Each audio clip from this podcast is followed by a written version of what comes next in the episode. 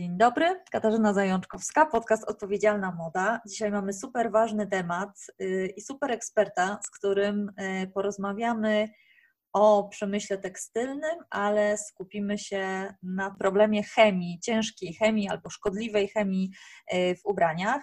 Według raportu Greenpeace'u przemysł tekstylny jest głównym użytkownikiem tych niebezpiecznych chemikaliów i no, takim wiodącym trucicielem e, słodkich wód na całym świecie. No i widzimy czasem w filmach dokumentalnych te kolorowe rzeki, które e, są skutkiem używanych barwników i w ogóle tego, tej całej obróbki e, ubrań, ale niekoniecznie słyszy się o tym, żeby marki odzieżowe jakoś brały E, ten problem na swoje barki i my też marek odzieżowych e, nie kojarzymy bezpośrednio z zatrutymi wodami. Ale problem nie kończy się tylko na tych kolorowych rzekach, tylko tak naprawdę dotyczy i rozlewa się dosłownie w przenośni na wszystkich e, użytkowników mody i na nas konsumentów. No więc my dzisiaj porozmawiamy o tym, co możemy zrobić, jak się bronić i w ogóle e, jak zrozumieć te procesy, które towarzyszą obróbce ubrań i, e, i skąd się ta chemia bierze. Więc dzień dobry, Pawle. Cześć, bardzo mi miło poproszę Cię, żebyś się w kilku zdaniach przedstawił, powiedział, co robisz i dlaczego tak dobrze się znasz na tym, o czym będziemy rozmawiać.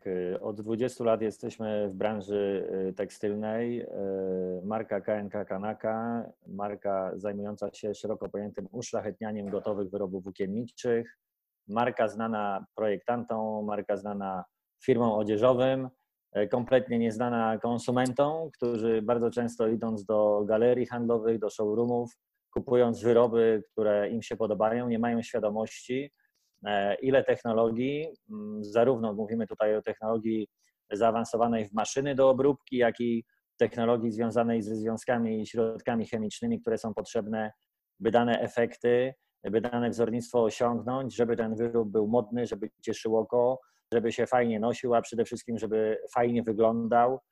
Marka mm, Abdiwu jest to nasz nowy projekt e, od roku, bardziej taki upcyclingowy, e, gdzie zarówno jest skierowany do marek odzieżowych projektantów, namawiamy tutaj zgodnie z duchem e, slow fashion, mody etycznej, żeby nie palić, nie niszczyć, nie wyrzucać ubrań, które się nie sprzedały.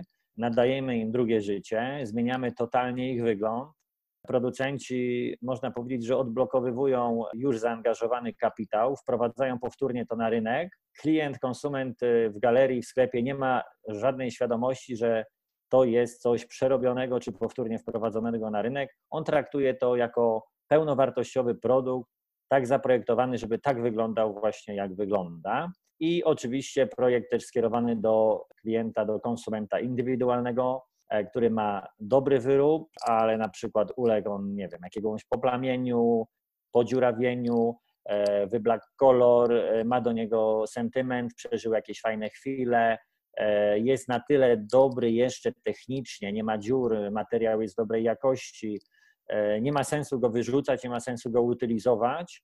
Można go poddać też upcyclingowi, czyli przefarbowaniu, kustomizacji, nadaniu jakiegoś efektu specjalnego. I to właśnie też robi marka Abdiwu, która oprócz tego, że jest skierowana do producentów, do projektantów, to też jest skierowana do konsumentów indywidualnych.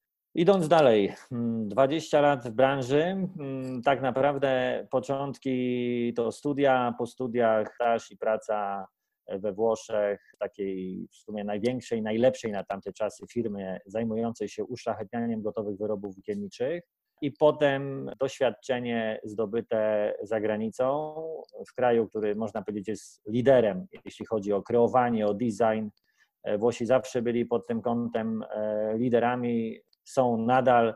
Cały świat gdzieś się koncentruje na, na ich podejściu do mody, na tym, co oni proponują, co tworzą, co kreują otworzyliśmy e, markę KNK Kanaka w Polsce i po, można powiedzieć, pięciu, sześciu latach pracy, e, jeżdżąc po świecie, obserwując e, modę, obserwując to, co dzieje się z naszymi ubraniami, jakim procesom one są poddawane, często w jakich niegodziwych warunkach, już nie mówię tutaj tylko w aspektach społecznych, ale też w aspektach środowiskowych, gdzie używana jest toksyczna chemia, praktycznie nie ma żadnych przepisów bezpieczeństwa i higieny pracy. Patrzyliśmy na tą naszą branżę globalnie i zadaliśmy sobie pytanie, co robimy dalej, bo to, co robimy, robimy z pasją bardzo angażujemy się w każde projekty, czy to są małe projekty projektanckie, takie bardziej designerskie, czy bardziej globalne.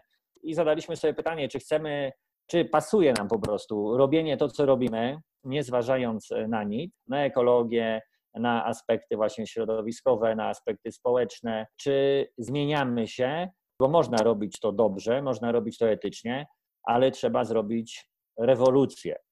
I my taką rewolucję zrobiliśmy. W naszym akurat przypadku nie było to do końca proste, ponieważ wiązało się to praktycznie z przereorganizacją praktycznie całego przedsiębiorstwa pod kątem e, wyselekcjonowania odpowiednich dostawców, którzy zapewniali nam certyfikowane środki. To są setki środków chemicznych używanych do różnych procesów.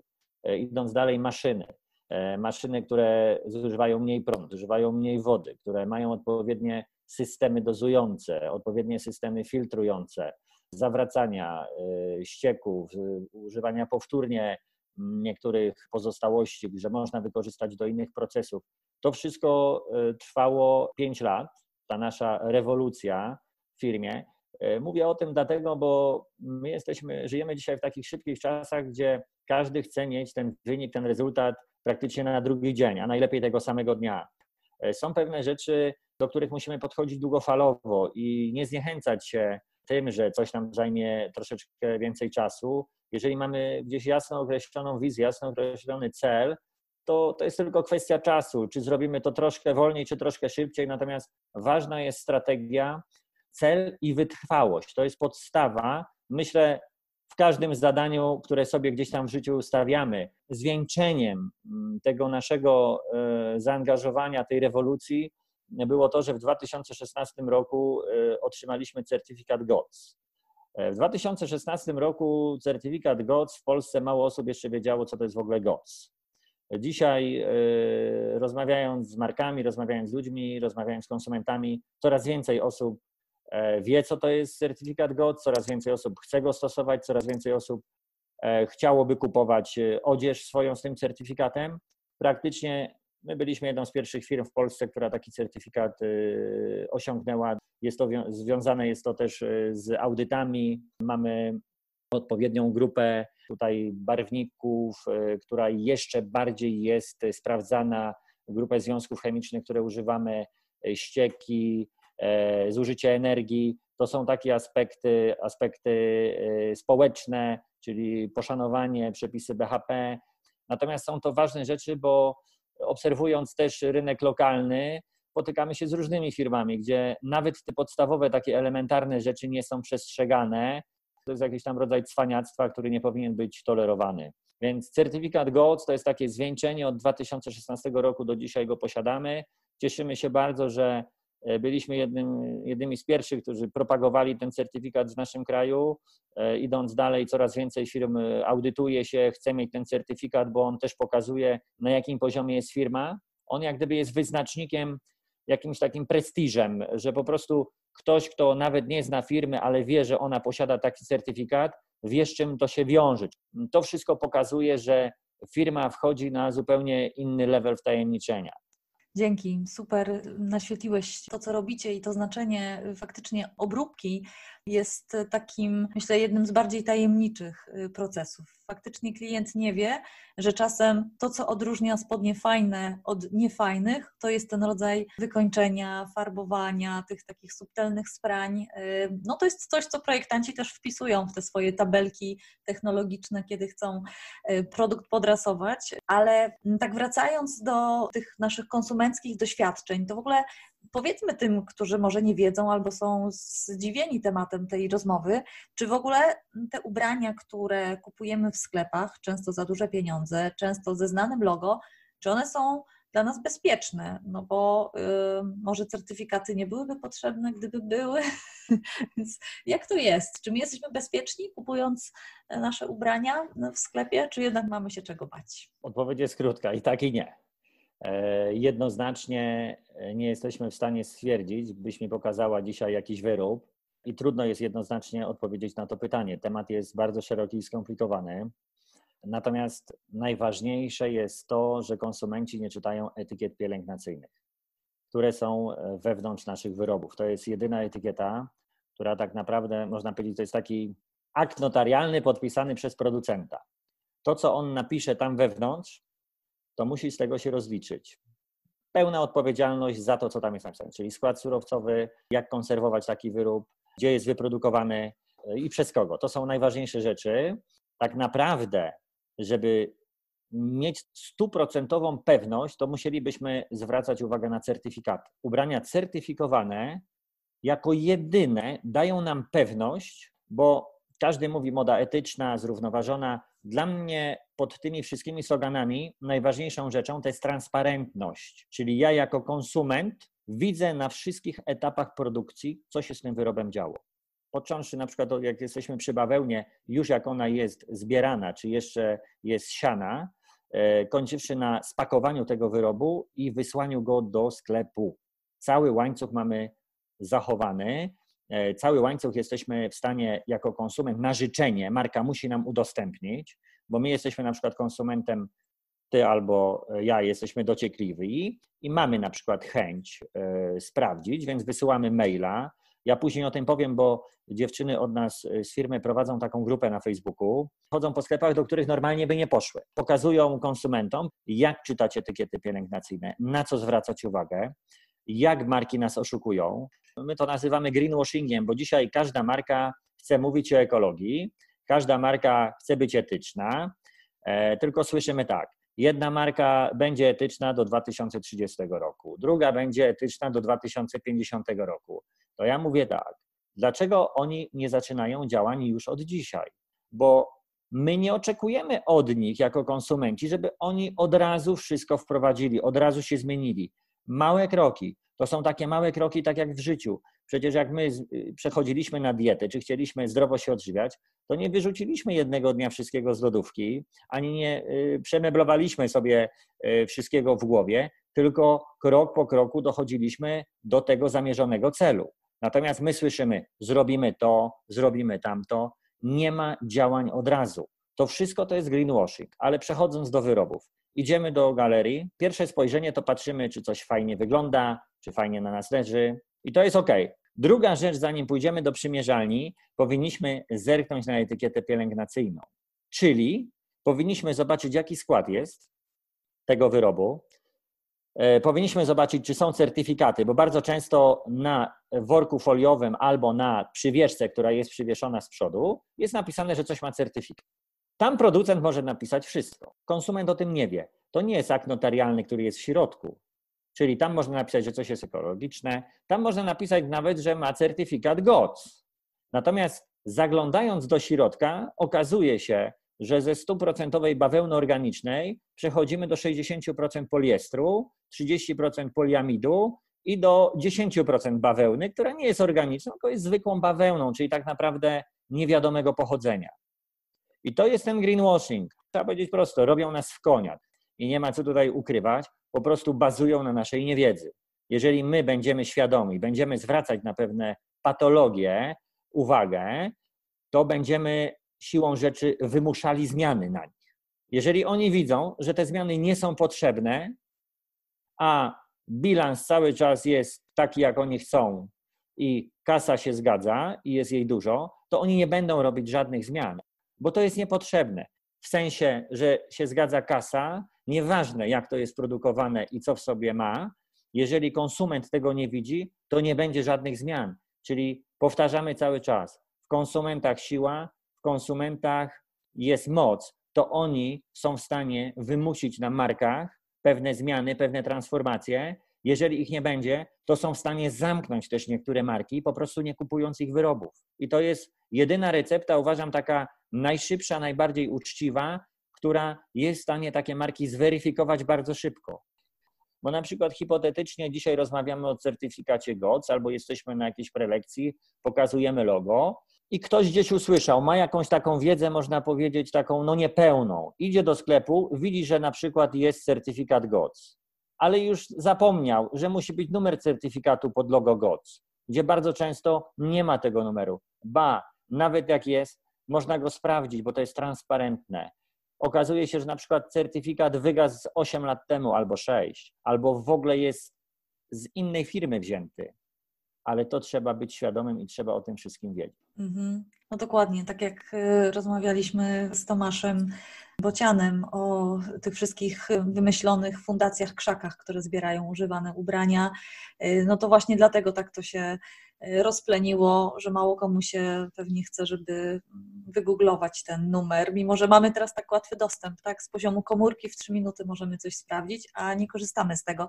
Jakbyś powiedział od razu, ja oczywiście podlinkuję te wszystkie y, rzeczy, o których będziemy mówić, ale jak nazywa się ta grupa y, na Facebooku albo to e, Slow Life, życie bez toksyn. Przekażę Ci dokładnie link albo nazwę.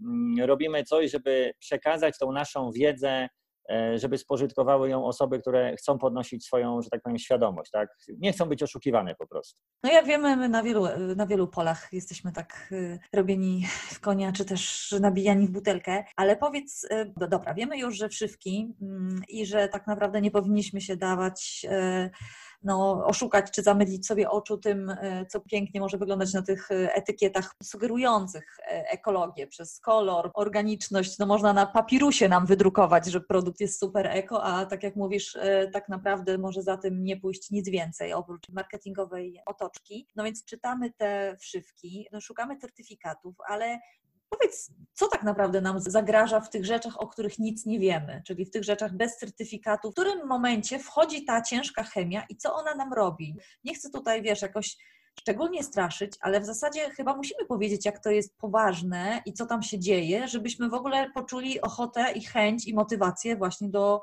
tego pytania i szukania tych certyfikatów, bo mam wrażenie, że wiesz, te takie toksyczne ubrania to, to są takie hasła, pod których jeśli my sobie nie rozszyfrujemy, gdzie tam się coś może nam dziać i jakie to może mieć dla nas skutki, no to, no to możemy tą informację tak dosyć szybko, wiesz, wypuścić drugim uchem. Więc co tam jest takiego niebezpiecznego dla nas? Znaczy tak, najgorsze w tym wszystkim jest to, że mm, ludzie zaczęli mm, zmieniać swoje nawyki żywieniowe, bo gdzieś zdawali sobie sprawę, że to, co wprowadzamy do układu pokarmowego, to, mm, to jak gdyby ma większe przełożenie na nasze zdrowie. Toksyczne ubrania, ktoś powie, że to jest slogan, nie widzimy tej toksyczności. Jak widzimy na przykład jedzenie, które wygląda niefajnie, czy ma niefajny zapach, mając jeszcze świadomość, że wprowadzamy to do układu pokarmowego, łatwiej jest nam to zrozumieć. Toksyczne ubrania, ktoś powie, jakie toksyczne, nie widzimy, tego nie czujemy, zakładamy, nosimy, wypierzemy. Problem polega na tym, że chodząc i ubierając się w toksyczne ubrania, tak naprawdę rezultaty przychodzą po jakimś czasie. Są ludzie bardziej wrażliwi, którzy założą e, toksyczne ubranie, dostają jakieś alergii, dostają pewnych schorzeń takich, które widać od razu, bo to są powierzchniowe, a nie wewnętrzne. Natomiast e, mówiąc globalnie o problemie e, toksycznych ubrań, myślę, że najgorszymi ubraniami są ubrania z krajów rozwijających się. Dlaczego? Dlatego, że tam nie ma żadnych norm, e, tam nie ma żadnych instytucji, organizacji, które by ustalały jakieś reguły gry, które by mówiły, ten środek jest dobry, a ten jest zły. W Europie mamy ECHE, czyli to jest Europejska Organizacja Zajmująca się Chemikaliami, która wprowadziła RICza i mamy 500 ponad środków zabronionych, których nie możemy w Europie używać. Tam jest wolna Amerykanka. Co robią marki? Marki odzieżowe zlecają produkcję w krajach rozwijających się i podpisują oświadczenia. Co jest warte oświadczenie? I przychodzi jeden dostawca, drugi, trzeci, jest z nim podpisane oświadczenie i oni umywają ręce, bo oni zlecili jakąś produkcję, no i oni uważają, że ta produkcja powinna być wykonana zgodnie ze sztuką. I to można powiedzieć jest praktykowane i stosowane przez marki, czyli one jak gdyby e, nie biorą na siebie tej odpowiedzialności. Można powiedzieć, że w tych ubraniach jest cała tablica Mendelejewa. To są e, mocno toksyczne ubrania, w których znajdują się barwniki azowe, e, znajdują się wtalany, znajdują się formaldehydy. Są to środki, które mają bardzo destrukcyjny wpływ na nasz organizm. My ich nie widzimy. One powoli, pod wpływem ciepłoty naszego ciała, organizmu, rozgrzewamy te ubrania i one powoli migrują. Też nie mamy świadomości, że nasza skóra jest jak gąbka, ona chłonie wszystko z otoczenia. Jeżeli to ubranie przylega do skóry, pocimy się, grzejemy, ta cała chemia fiksuje w głąb naszego organizmu. I teraz tak, wątroba, można powiedzieć, jest taką oczyszczalnią toksyn w naszym organizmie, tylko ona też ma pewną wytrzymałość i pewną moc przerobową. Jeżeli dołożymy do tego stres, który można powiedzieć, że ogarnia każdego, e, dodamy zanieczyszczenie powietrza, dodamy jedzenie, które też nie do końca jest zdrowe, dodamy toksyczne ubrania. W pewnym momencie następuje kumulacja tych wszystkich rzeczy i nagle pojawiają się bardzo poważne schorzenia. Kiedyś mówili lekarze, że 90 ponad y, procent naszych chorób to jest genetyka. Dzisiaj mamy medycynę na y, dużo wyższym poziomie i ona dzisiaj mówi, że genetyka to parę procent, a niektórzy mówią, że niecały procent, że to wszystko, z czym się spotykamy na co dzień, ma wpływ i przełożenie ogromne na nasze zdrowie. Może na tej bawełnie się skoncentrujmy. Siejemy bawełnę, stosujemy różnego rodzaju pestycydy, herbicydy, glifosaty, które już są we włóknie, które potem będzie. One już jest praktycznie od samego zalążka, tak? od samego, że tak powiem, e, wzrostu tej bawełny. Potem jest robiona jakaś przędza, potem, która też jest uszlachetniana. Potem robimy przykładowo dzianiny, tkaniny, które też są wykańczane w jakiś sposób, farbowane, nadawane są jakieś specjalne właściwości typu jakieś odporności na gniecenie, odporności na plamienie, jakieś no, specjalistyczne takie e, zabiegi są robione, jak na przykład kupujemy koszulę, fajnie, bo się nie gniecie. Tylko my powtarzamy cały czas, wystrzegajmy się kupowania ubrań o tego typu właściwościach. Zdajmy sobie sprawę, im więcej właściwości danych, dla nas może funkcjonalnych, fajnych, jest w tych wyrobach, to znaczy, że tej chemii, która została użyta, jest bardzo, bardzo duża ilość. A im więcej chemii w naszych wyrobach, tym wyższe narażenie nas na dodatkowe schorzenia. Dalej, wyroby, które już są niby skonfekcjonowane, spakowane, one są wysyłane często transportami kontenerowymi E, płyną jakiś tam czas, nie wiem, miesiąc, dwa, dzisiaj to trochę jest skrócone, kiedyś to dłużej płynęły statki do Europy, dzisiaj to można zrobić taki transport w trzy tygodnie, ale mimo wszystko musi być ta odzież zabezpieczona, żeby gryzonie, które się znajdują, e, nie miały przełożenia, żeby nie zbutwiała, żeby nie spleśniała, i ona musi być zabezpieczona odpowiednimi środkami chemicznymi i one też znajdują się w tych wyrobach. Bardzo często ludzie, którzy mają kontakt, którzy otwierają te kontenery, oni tak naprawdę, oni są najbardziej narażeni. W większości przypadków otwierany jest kontener, logistyka, rozdysponowanie na salony, na galerie i te produkty są sprzedawane, ale ta chemia w nieograniczonych tak naprawdę ilościach jest aplikowana na te wyroby. Już nie mówię o samym wyglądzie tego wyrobu, ale o zabezpieczeniu też tego wyrobu, żeby on bezpiecznie, bez żadnych uszkodzeń dotarł do danego kraju. I my nie zastanawiamy się nad tym wszystkim, nie widzimy, nie czujemy, bo co innego, jakbyśmy założyli t-shirt albo bluzę i byśmy zachorowali na drugi dzień. Każdy by sobie zdawał z tego sprawę. Tutaj ten proces jest, tak można powiedzieć, rozłożony w czasie długofalowy, plus nawarstwianie się innych E, zależności. Natomiast problem jest bardzo poważny. Marki ukrywają tego typu rzeczy, nie zdradzają, zasłaniają się bardzo często tym, że to jest ich know-how, ich technologia związana z wyprodukowaniem danych wyrobów i pod tym, przy tym, pod tym pretekstem zasłaniają się, że oni nie będą ujawniać, co zostało użyte, czy jakie środki zostały zastosowane, żeby osiągnąć dany efekt. Okej, okay, czyli do tych rzeczy, na które warto zwracać uwagę, no to dochodzi nam też ten aspekt lokalności, bo rozumiem, że cała chemia wchodzi w te, też w ta dodatkowa właśnie w tym momencie transportu i tego wszystkiego, co się dzieje, zanim ten nasz e, towar trafi w ogóle do, do Europy na lokalne rynki. No to powiedz w takim razie, czy jakimś właśnie warunkiem, e, który powinniśmy sobie założyć, jest to, żeby ta produkcja była e, lokalna? Dostałam takie pytania o to na przykład, jaki powiedzmy basic, y, jaki t-shirt jest najzdrowszy, tak? Y, to jest, domyślam się, takie pytanie też rozszerzone o to, czy naturalne, czy, czy syntetyczne. Y, no i teraz ten, to, ta druga rzecz, dla tych, którzy na przykład chcą szyć. Czy materiały produkowane w Polsce albo w Europie są już z założenia na dzień dobry bezpieczniejsze niż te sprowadzane? Więc gdybyście mogli odnieść do tych rzeczy naturalne kontra syntetyczne i lokalne kontra na przykład azjatyckie. I znowu odpowiem i tak i nie.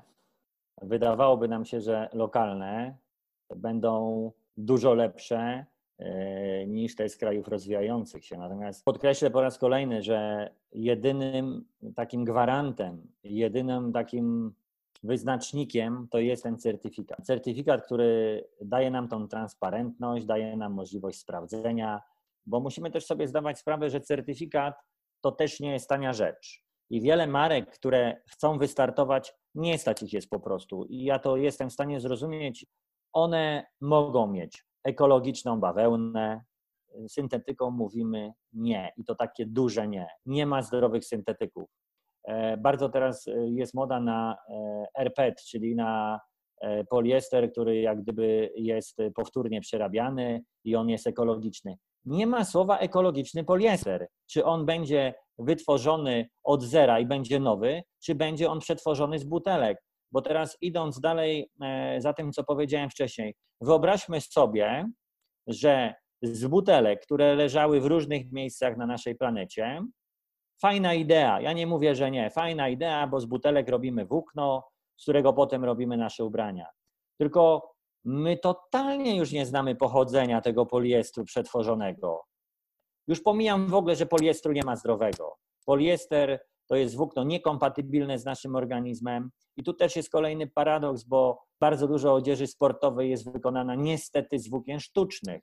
Kiedyś, jak byłem mały, najlepsza była koszulka bawełniana, ale w pewnym momencie ludzie stwierdzili, że koszulka bawełniana nie nadaje się do uprawiania sportu, bo jak się spocimy, to ona jest ciężka.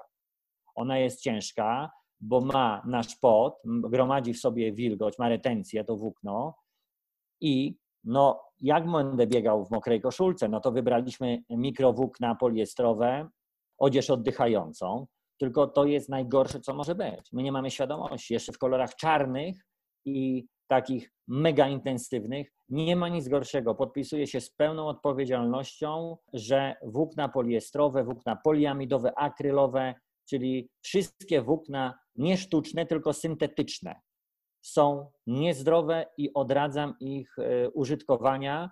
Wiadomo, są wyroby jak kurtki zimowe czy tego typu rzeczy. Wiadomo, że z nich nie zrezygnujemy, ale możemy sobie założyć jakiś long sleeve albo coś bawełnianego, żeby stworzyć barierę między naszą skórą, naszym ciałem, a tym wyrobem poliestrowym, bo wiadomo, że tego poliestru na 100% nie jesteśmy w stanie wyeliminować. Natomiast absolutnie nie używajmy wyrobów z włókien syntetycznych, które przylegają do naszego ciała. Idąc dalej, a propos tego rynku lokalnego i rynku y, krajów rozwijających się i marek, które zaczynają. Jeżeli marka będzie chwaliła się e, na swojej stronie, czy e, będzie propagowała i mówiła, będzie transparentna, że pokaże, że słuchajcie, materiałów, które używamy są ekologiczne, firmy, w których zlecamy szycie, też dbają o pracowników, o godne wynagrodzenie, o przepisy BHP. Ona nie musi mieć certyfikatu, ale na nasze żądanie jako konsumenta my wysyłamy do nich maila, powiemy: Słuchajcie, wiemy, że nie masz tego certyfikatu ty jako firma, ale chwalisz się na przykład, że materiały, z których szyjesz, są certyfikowane. Prześlij nam numer certyfikatu albo pokaż nam, skąd to kupujesz. Chcę mieć pewność, sprawdzam. Jeżeli będzie to firma transparentna, będzie firma, która faktycznie robi to, co mówi, odeśle nam, mogą nawet wymazać jakieś tam rzeczy, ale będzie numer certyfikatu, będzie pokazany dostawca. Słuchajcie, żyjemy w XXI wieku, nie ma tajemnic. Dzisiaj nikt nie powinien się zasłaniać tajemnicą. Nie mówimy tutaj o jakichś kosmicznych technologiach. E, żyjemy w XXI wieku, wszystko możemy sprawdzić, tak jak powiedziałaś. Każdy ma telefon przy sobie, możemy zrobić to w parę sekund, tylko trzeba w sobie wyrobić taki nawyk. Firmy lokalne. Wydawałoby się znowu, na podstawie tego, co mówię, że e, kupując lokal, od lokalnych dostawców, od lokalnych firm, gdzieś mamy już tu w Europie pewne schematy wyrobione, pewne organizacje czuwają nad tą naszą produkcją, nad tym, co faktycznie oferujemy do sprzedaży. Natomiast znowu nie mamy pewności, czy wszyscy są uczciwi. Dlatego musimy to sprawdzać. Taka ciekawostka, UOKiK przeprowadził w 2019 roku kontrolę e, wybiórczo wybranych firm. Dużo było podmiotów, które zajmują się produkcją, handlem, dystrybucją odzieży. Ponad 50% tej kontroli wyników to były wyniki negatywne, wyniki oszustw polegających na oszukiwaniu nas, konsumentów, na składach procentowych wyrobów i na certyfikacji. Czyli cały czas sprawdzają naszą czujność. Czy my uwierzymy w to, co jest napisane, czy nie. Mamy dużo schematów, bardzo dużo prostych możliwości, począwszy od napisania maila do danej firmy, czy zadzwonienia, czy w najgorszym wypadku zgłoszenia sprawy do UOKiK-u. I on to zweryfikuje, oni chętnie weryfikują. Nie bójmy się tego, traktujmy to, że robimy coś dla dobra nas wszystkich. Robimy przede wszystkim dla dobra planety. Chcemy, żeby to nasze życie było fajne, żeby to, co nas otacza, było zdrowe i żeby nas przede wszystkim nie oszukiwano. Więc lokalne z urzędu by się wydawało, że lepsze, natomiast nigdy nie mamy pewności, musimy sprawdzać. Czy ci duży gracze, bo oni co prawda podpisują różne zobowiązania, tak jak właśnie przyciśnięci przez Greenpeace w 2010 w związku z tą kampanią Detox My Fashion nawoływano producentów do tego, żeby przesta przestali używać tej szkodliwej chemii. 80 dużych firm e, się zdeklarowało, że właśnie do 2020 ją wyeliminuje.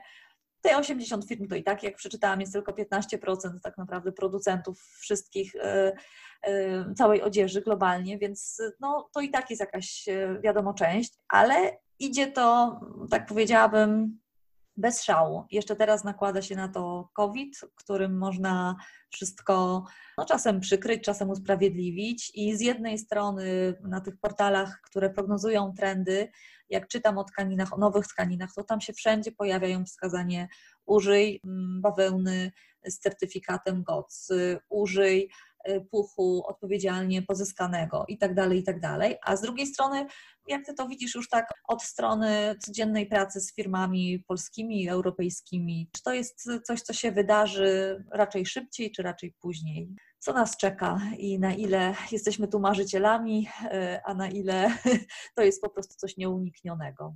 Myślę, że jedynym wyznacznikiem to będzie ta świadomość konsumentów, bo my idziemy pod prąd. To, co robi, zaczęliśmy robić e, x lat temu, ten nasz cel, to wszystko e, nasza branża, nasi klienci tak naprawdę mówili, że strzelamy sobie w kolano, tak? No bo my ograniczając pewne obróbki, ograniczając pracę z pewnymi firmami. Generalnie było to bardzo źle odbierane i patrzono na nas troszeczkę jak niezrównoważonych emocjonalnie. Co my w ogóle robimy? Przecież wszystko jest dobrze. To czego my szukamy? Po co my to robimy? To jest to, co mówimy. Marki robią coś przez tyle lat, nikt nie ma do nich pretensji, nikt nie zwraca im uwagi, to oni robią to dalej. Bo po co mają coś zmieniać? My zrobiliśmy trochę inaczej, Większość marek odzieżowych tutaj, które spotykamy w galeriach handlowych, one w jakimś procencie mniejszym, większym, bo oni też dywersyfikują sobie produkcję i nie tylko produkują w Polsce. I z projektantami e, i z markami pracujemy. I powiem szczerze, że bardzo mało jeszcze jest firm, e, które faktycznie rzetelnie chciałyby wprowadzać zmiany. Ja to mówię z pełną odpowiedzialnością, bo ja nie będę mówił, że jest odwrotnie, tylko dla czystego PR-u, bo ktoś by powiedział, że tak jest fajnie i propaguj to, bo będzie fajnie postrzegane e, w branży, że idziemy do przodu, że idziemy z postępem, że chcemy być wszyscy ekologiczni, że zwracamy na pewne rzeczy uwagę. Tak niestety nie jest.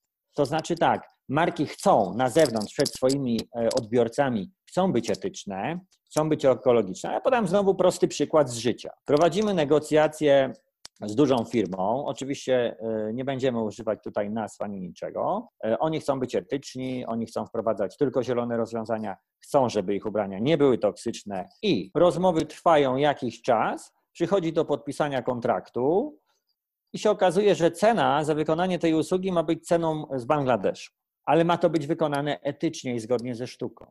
oni mają świadomość kosztów, każdy ma, bo nie mówimy tutaj o mm, cenach jakichś takich ekstremalnych czy w ogóle nieuzasadnionych ekonomicznie, e, tylko rozmawiamy o godnej płacy za wykonaną usługę w pewnych standardach. I teraz tak, albo oni chcą faktycznie się zmieniać i chcą coś robić, ale generalnie jeszcze nie. Chcą na razie zmieniać się medialnie, chcą się zmieniać, e, żeby być lepiej postrzegany. Czyli cały czas mówimy o tym greenwashingu. Jeżeli przechodzimy do konkretów, fajnie, ale cena i inne aspekty są dla nich dominującymi. No to pytanie, chcemy się zmienić, czy chcemy uprawiać greenwashing? Patrząc dalej, zadałaś mi pytanie, kiedy? Ja myślę, że to wszystko będzie związane z, tą, z taką odpowiedzialnością i podejściem konsumentów w ogóle do zakupów. Pytanie, czy musimy 20 t-shirtów kupować rocznie, czy nie możemy na przykład kupić 5 albo 4. Już nie mówię o dwóch, które myślę, że też by załatwiły sprawę. Patrzmy na składy, patrzmy z czego jest wykonany dany wyrób, patrzmy na certyfikaty, wtedy wiadomo, że będzie to wyższa jakość, będziemy użytkować to na pewno dłużej, będziemy z tego bardziej zadowoleni, będziemy też mieli świadomość, że jest to zdrowe, że nas nie zabija, że nas nie zatruwa, ale to wszystko wiąże się z tą świadomością, wiąże się to z tym, że musimy o tym wiedzieć. Musi ktoś zwrócić nam na to uwagę. Jeżeli my takimi programami, takimi ruchami, ludzi, którzy e, chcą podzielić się swoją wiedzą, którzy robią to po prostu zupełnie bezinteresownie dla dobra ogółu, żeby podzielić się tym, co zobaczyli, tym, z czym mają na co dzień kontakt, obserwując branżę.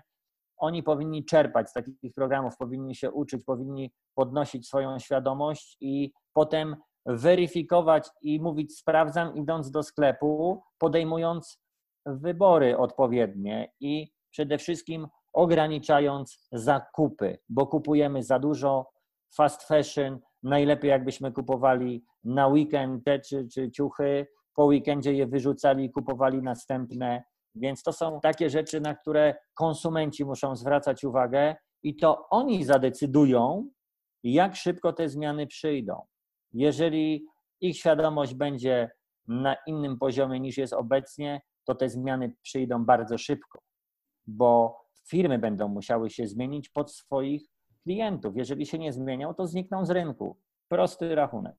I generalnie uważam, że trzeba optymistycznie na to wszystko patrzeć, bo jakbyśmy pesymistycznie do wszystkiego podchodzili, to nic byśmy nie zrobili, bo najlepiej usiąść, rozłożyć ręce i powiedzieć, no tego się nie da, bo e, marka globalna to jest siła, to są pieniądze, to są ludzie, no gdzie jako ja jednostka mogę coś zrobić? Mogę zrobić bardzo dużo. Nie patrz na innych, zacznij od siebie. Jak zaczniesz od siebie i zrobisz sobie tą rewolucję, to powiedz to sąsiadce, powiedz to przyjacielowi, powiedz to przyjaciółce, zacznij pokazywać takimi małymi krokami. To są cały czas małe kroki. Nie możemy chcieć zmienić wszystkiego z dnia na dzień, bo tak się nie da w tym przypadku. Mhm. A z drugiej strony myślę, że właśnie nie doceniamy y, znaczenia tych małych kroków. Maratończyk też musi postawić ten pierwszy krok. Trochę nam się zrobiło spotkanie coachingowe. Wiesz co, ja się też zgadzam z tym, że te zmiany, szybkość tych zmian będzie zależała od nas i y, taka afera i skandal, który ostatnio jedną z marek sieciowych w Polsce dopadł, może już nie będę jej tutaj piętnować, y, ale to pokazało, Y, że konsumenci y, są dużo bardziej świadomi y, niż sama marka, która sobie strzeliła w kolano kampanią reklamową nawołującą tak naprawdę do leczenia się modą, a ja miałabym ochotę na jakiś taki transparent pod tytułem Lecz się modo, a nie lecz się modą, bo, tak. bo wydaje mi się, że to, to zupełnie nie tak powinno być ta świadomość konsumencka oddolna rośnie w dużo szybszym tempie niż właśnie gotowość e, zmian. I ja myślę, że te duże firmy i ta pewnie, którą przywołałeś, one też nie doceniają tego, że taka rzetelna informacja dla klientów, klientowi też trzeba umieć wytłumaczyć, za co on płaci. Tylko tu też trzeba umieć. E, trzeba mu powiedzieć po prostu, że być może w tej sieciówce ceny już nie będą takie jak wcześniej, bo też ubrania nie będą takie jak wcześniej. Poruszyłaś aspekt finansowy.